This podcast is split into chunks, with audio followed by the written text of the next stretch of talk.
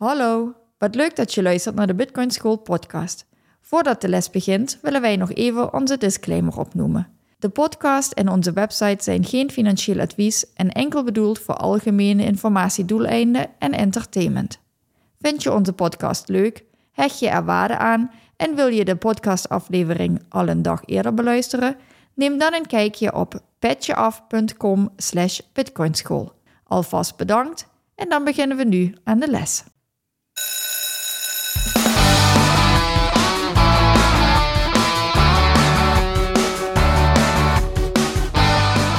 Welkom bij de Bitcoin School podcast. In deze podcast willen we jullie de wereld van Bitcoin dichterbij brengen. Dit doen we door Bitcoin op een eenvoudige manier vanuit de basis uit te leggen. In deze aflevering gaat het over de voorkomende begrippen. Yes. We gaan een paar begrippen doornemen vandaag. Ja, want als je inderdaad in het Bitcoin-wereldje stapt en je luistert bijvoorbeeld andere podcasts of je praat met Bitcoiners, dan komen er nog alles wat begrippen langs. Mhm. En misschien is het handig als we die eens even uitleggen. Ja, en we hebben natuurlijk al een hele hoop begrippen gehad, maar hebben we er vandaag een, eh, een lijstje gemaakt van begrippen die we nog niet zo vaak benoemd hebben of die we nog niet duidelijk toegelicht hebben. Dus laten we daar eens uh, mee aan de slag gaan. Nou, zal ik meteen met de eerste starten? Mhm. FOMO. FOMO, ja. FOMO is een gevoel. het gevoel van uh, FOMO staat voor Fear of Missing Out. En ja, is eigenlijk het gevoel op het moment dat je denkt van oeh, ik zit niet in Bitcoin en er is op dit moment heel veel beweging in de markt. De koers gaat omhoog en ik mis iets. Ik mis op dit moment rendement of ik mis, ik mis iets. Fear of missing out. Ja. Ja, al zelf onder uh, de levende lijven ondervonden.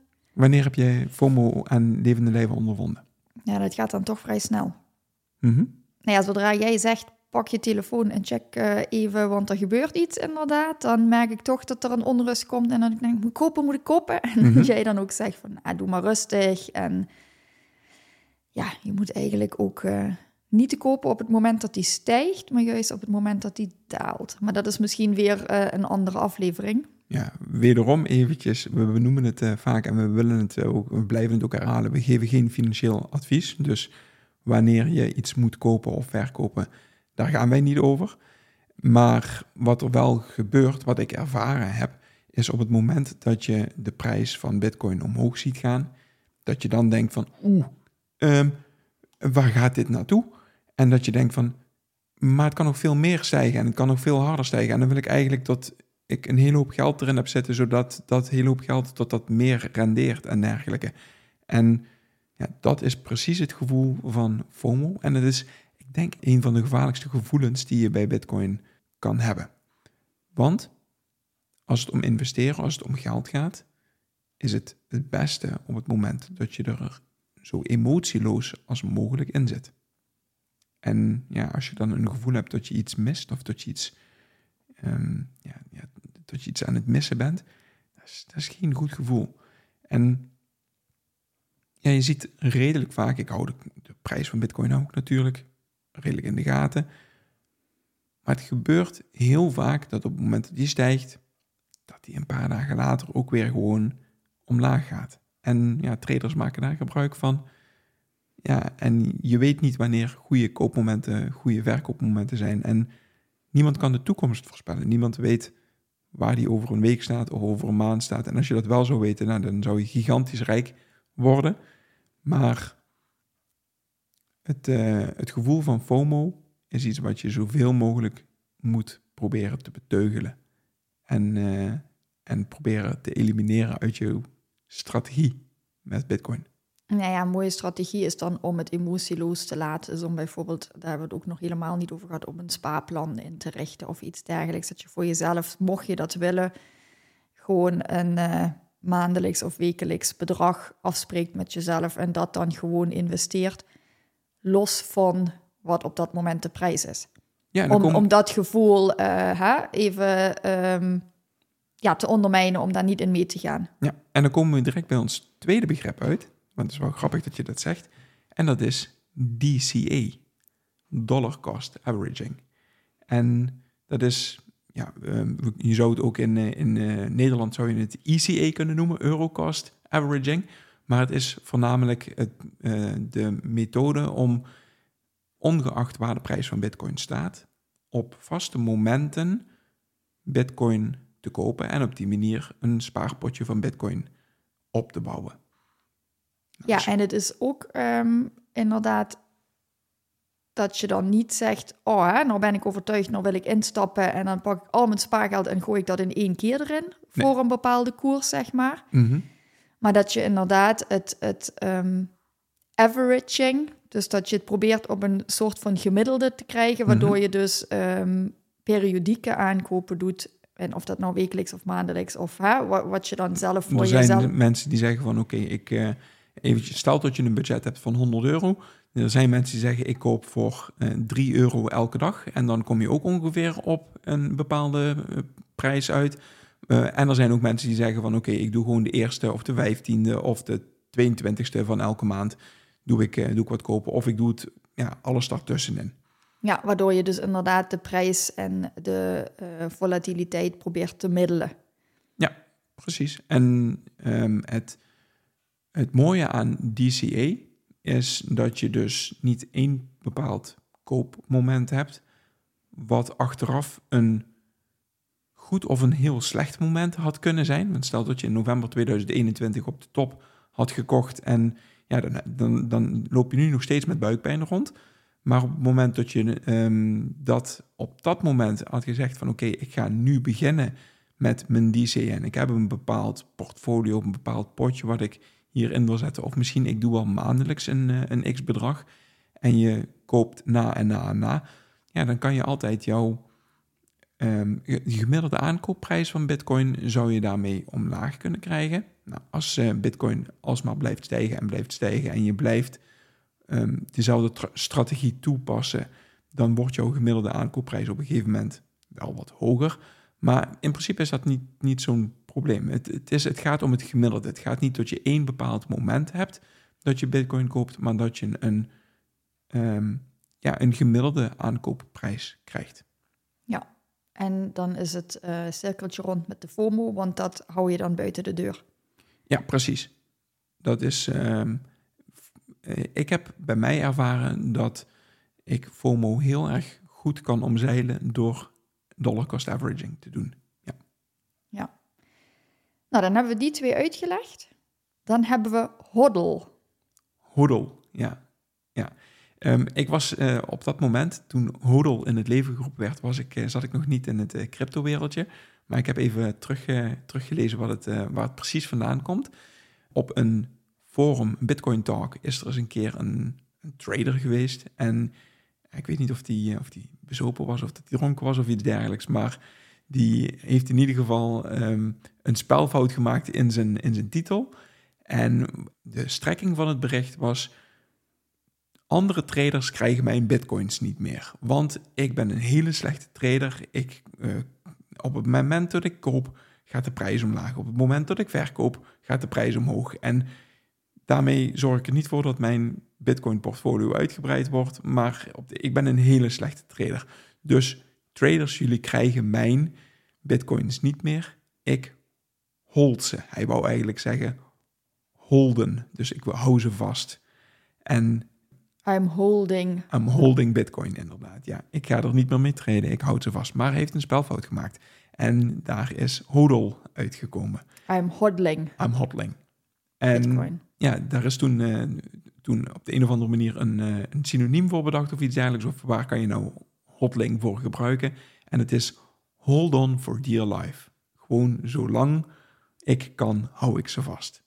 Ja, en dat is echt een heel ding in de Bitcoin-wereld. Dat je een hodler bent, zoals ze dat dan noemen. Dus ben je iemand die daarmee treedt, of ben je iemand die inderdaad hodelt en dus de Bitcoin koopt om ze te houden? Ja, precies. hele filosofie daarachter. Ja, inderdaad, ja. Dus uh, ja, en het, grappige was, ja, als je de post nog eens een keertje terugleest, hij gebruikt heel veel uh, hoofdlettergebruik en omdat hij ook verschillende eh, verschillende spelfouten erin heeft zitten. Dat was ook de reden waarom ik dacht van ja, eh, het zou best wel eens kunnen zijn dat hij zoiets had van ja, ik, heb me helemaal bezopen omdat ik, om, omdat ik verkeerde beslissingen gemaakt heb met het treden. Ik, ik maak nou een post waarbij ik zeg van ik, ik, ik. Wat daar dan ook weer bij past, dan komen we meteen bij de volgende, is stacking sets. Ja, en dat heeft ook weer met, met DCA heeft dat te maken. En stacking sets is in principe dat mensen zich er bewust van zijn, op het moment dat je er bewust van bent, wat Bitcoin in de toekomst kan bewerkstelligen, wil je eigenlijk zoveel mogelijk Satoshis in je bezit hebben. En de beste manier, wat het verleden geleerd heeft, is wellicht om dat via dollar cost averaging te doen. En stacking sets is het stapelen, het verzamelen van Satoshis. Je hoeft niet één Bitcoin te kopen, je hoeft ook niet in aantallen van Bitcoin te kopen, maar je kan Bitcoin, kan je, ja, um, Satoshis. Uh, een 100 miljoenste Bitcoin is één Satoshi. En je kan ook al 1000 Satoshis kopen of 10.000 Satoshis kopen. En daarmee zou je bij wijze van spreken vanaf, um, vanaf 10 euro kunnen investeren in Bitcoin. En heb je eigenlijk al een aantal Satoshis. En het dollar cost averaging zorgt ervoor dat je sets aan het stacken bent. En dat je het elke keer in een, uh, in een spaarpotje stopt. Dus eigenlijk het um, kleine bedragen bij elkaar sparen. Ja, precies. Ja, stacking sets. Ja. Wordt ook wel eens gezegd, stay humble, stack sets. Ja, en dat, uh, dat, dat zie je inderdaad wel vaker. Gewoon doen, maar gewoon, dan doe je al gek genoeg. Stay humble en stack sets. En zorg ervoor dat, uh, dat je Bitcoin aandeel groter en groter wordt. Ja, gewoon rustig, laag tempo, lange termijn visie. Ja, precies. Daar, is het, daar gaat het zich voornamelijk om. Hè. Het gaat om de lange termijn visie. Het gaat om de. Niet wat, wat is het morgen waard, wat is het overmorgen waard of volgende week, volgende maand. Nee, het gaat zich er voornamelijk om waar kan Bitcoin over tien jaar staan. En dus, ja, weer mooi terug op de FOMO, zeg maar. Juist het tegenovergestelde daarvan. Dus ja. in plaats van heel erg hè, in paniek mee met de markt en wat doet het en het constant in de gaten houden. Um, en er zoveel mogelijk geld aan willen overhouden en, en te treden, is dit gewoon rustig aan, laag tempo. Stay humble. Stay humble. En stack sets. Ja, precies. Zegt hij nog eens? Stay humble en stack sets. Yes. Ja, dan hebben we dat cirkeltje eigenlijk helemaal rond. Mm -hmm. Wat we dan nog hebben is halving.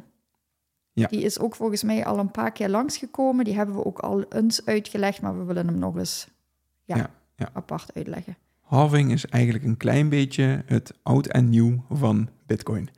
En uh, ja, ik ga er even vanuit dat de volgende keer als de halving plaats gaat vinden, Marina, dat wij hier thuis een feestje gaan vieren. Um, halving... Je krijgt er glanzende ogen van. ik uh, zie het echt aan je. Ja, halving uh, is uh, om de 210.000 bloks. Heeft Satoshi Nakamoto in, in het protocol vastgelegd dat het aantal bitcoin wat miners zich mogen toekennen um, bij, het, um, bij het bouwen van de blockchain en per blok um, totdat gehalveerd gaat worden. En dat is begonnen met 50 bitcoin van 2009, toen uh, Satoshi begon, tot 210.000 bloks later. En toen is dat gehalveerd naar 25 bitcoin, toen gehalveerd naar 12,5, naar 6,25. Ja, daar zitten we nu. Daar zitten we nu inderdaad. En um, de verwachting is tot ergens rond april volgend jaar, dus ergens april, uh, mei 2024, dat de volgende halving plaats gaat vinden. En dat is op uh, blok 840.000. Dus uh, ongeveer om de vier jaar. Ja. En dan zie je in het cyclus zeg maar, van Bitcoin zie je dan elke keer ook een koersstijging. En dat is natuurlijk geen garantie voor de toekomst. Ja, de, ja wat er gebeurt is, miners die mogen zich nog maar de helft uitkeren. Dus die krijgen nog maar het, de helft aantal bitcoins vanaf dat moment ten opzichte van hetgeen van de periode daarvoor. En dat er wordt toch geld gestoken in het minen. En op de een of andere manier heeft dat een lijkt dat een bepaald effect te hebben, en ik eh, druk me even politiek correct uit, lijkt dat een bepaald effect te hebben op de koers van Bitcoin inderdaad. Ja.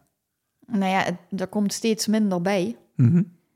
Dus er is een soort van inflatie, maar die wordt steeds juist kleiner. Ja. Tot we uiteindelijk in een eh, deflatie terechtkomen. Ja, de vraag is even of het deflatie is. Ehm, eh, want deflatie zou betekenen dat het tot er minder bij komen. Nou ja, dat is natuurlijk op het moment dat mensen private keys kwijtraken of iets dergelijks. Dan kom je in deflatie terecht. Ehm, maar het duurt nog wel een tijdje voordat... eh, Ja, daar gaan wij niet mee meemaken. Nee, dat duurt nog tot nou, nog ongeveer 120 jaar.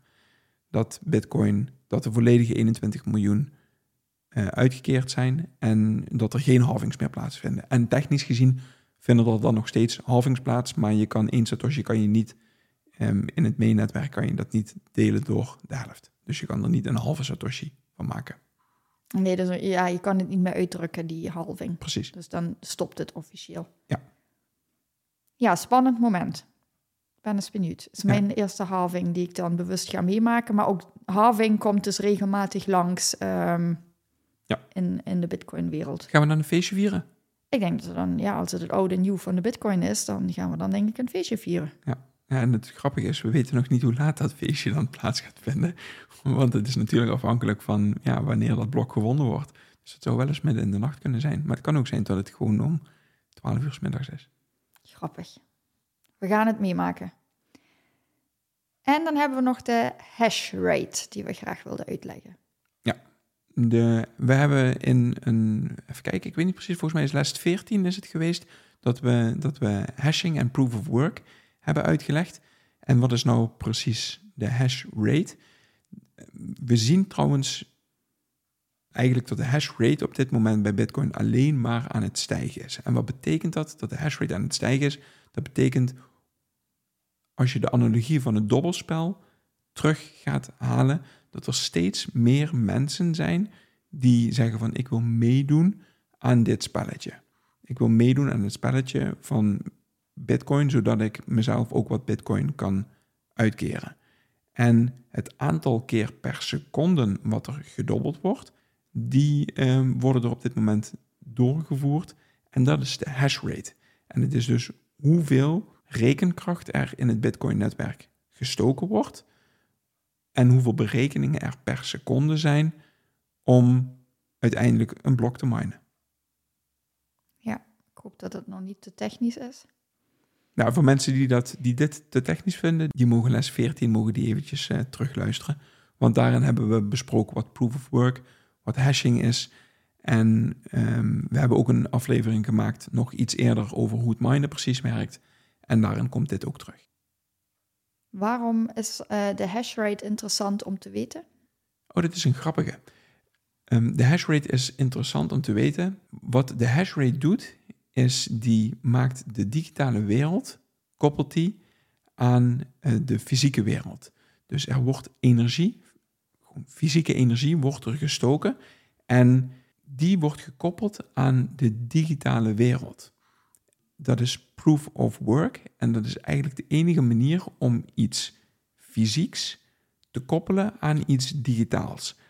En omdat Satoshi Nakamoto de difficulty erin gebouwd heeft, betekent het niet van oké, hoe meer rekenkracht we in het netwerk zetten, hoe sneller die bloks gevonden worden en hoe sneller de, ehm, de, de, de 21 miljoen bitcoin daadwerkelijk allemaal gevonden zijn. Nee, om de 2016 bloks wordt de difficulty wordt aangepast en wordt er gekeken van oké, hoeveel mensen doen op dit moment mee aan het spelletje en we moeten het spelletje dus iets moeilijker maken omdat we een target hebben van elke 10 minuten dat er een blok gevonden wordt. En dat kan wel eens uh, een half uur duren, dat kan ook wel eens zijn dat er binnen twee seconden twee bloks gevonden worden, maar de gemiddelde tijd die we willen um, hebben is dat er binnen 10 minuten voordat er een nieuw blok gevonden wordt, gemiddeld genomen. Ja, het valt wat dat betreft niet te manipuleren. En het is wel heel mooi wat je zegt. Het duurt even, ik weet niet of ik hem zelf al helemaal door heb. Um, maar die verbinding tussen fysiek en digitaal, die is wel heel speciaal. Um, ja, want er is heel weinig in, het, in, in de, op deze wereld is er echt, echt schaars. Als er maar genoeg um, geld ingestoken wordt, kunnen er heel veel schroefjes gemaakt worden, ontwikkeld worden, noem het maar op. Ja, geld en tijd. Dus ja, energie en tijd en dan is eigenlijk bijna alles onbeperkt maakbaar. Precies, precies. Als je er maar genoeg energie en tijd in steekt. En bij Bitcoin is dat anders, want bij Bitcoin maakt het niet uit hoeveel energie er in het netwerk gaat, dus hoeveel rekenkracht er in het netwerk gaat. Er is een consensus wat ervoor zorgt, oké, nu wordt er een, veel meer energie in het netwerk gestoken, daarmee maken we het moeilijker en daarmee betekent het dat nog steeds het aantal bitcoin wat er uitgekeerd wordt, dat dat ehm, hoe meer energie erin steekt, dat betekent niet dat er extra bitcoin bij gaan komen. En dat is, uh, ik heb geen ander goed gevonden waarbij dat het geval is. Nee, want als je dat zou vergelijken met bijvoorbeeld het goudmijnen, Mhm. nou ja, als ik meer tijd en energie heb, als ik meer uh, of zwaardere machines of iets dergelijks, meer mankracht of iets uh, ga gebruiken. Ja, als we nu met 8, mil, uh, 8 miljard mensen ter wereld zouden zeggen, we gaan met z'n allen 8 miljarden, gaan we alleen nog maar proberen al het goud in deze wereld te minen, dan wordt het goud wat op deze aarde is, wordt onherroepelijk sneller gevonden dan wanneer dat maar de helft van de mensen zou doen, of maar 100.000 of drie. En bij Bitcoin is dat niet het geval. En dat is het aparte aan Bitcoin. Ja, mooi. Blijft me fascineren over wat uh, voor verschillende aspecten er allemaal is nagedacht en hoe dat uh, krankzinnig in elkaar is gezet. Ja. Um, ik denk dat we het hier dan uh, even bij houden, bij deze begrippen voor het eerst. Yes, nou oké, okay. leuk. Dan denk ik dat we een mooie podcast hebben opgenomen, dat we een aantal begrippen hebben toegelicht en uitgelegd. En dat we um, ja, nog een extra informatie hebben gegeven, ook met betrekking tot de, tot de hash rate. En uh, het verhaal wat we zojuist vertelden over, de, over het minen en, uh, en de relatie met goud. Nou, dus mensen, verval niet in FOMO, stay humble. Stack sets. Stack sets. En do your own research. ja, precies. Tot de volgende keer. Doei doei.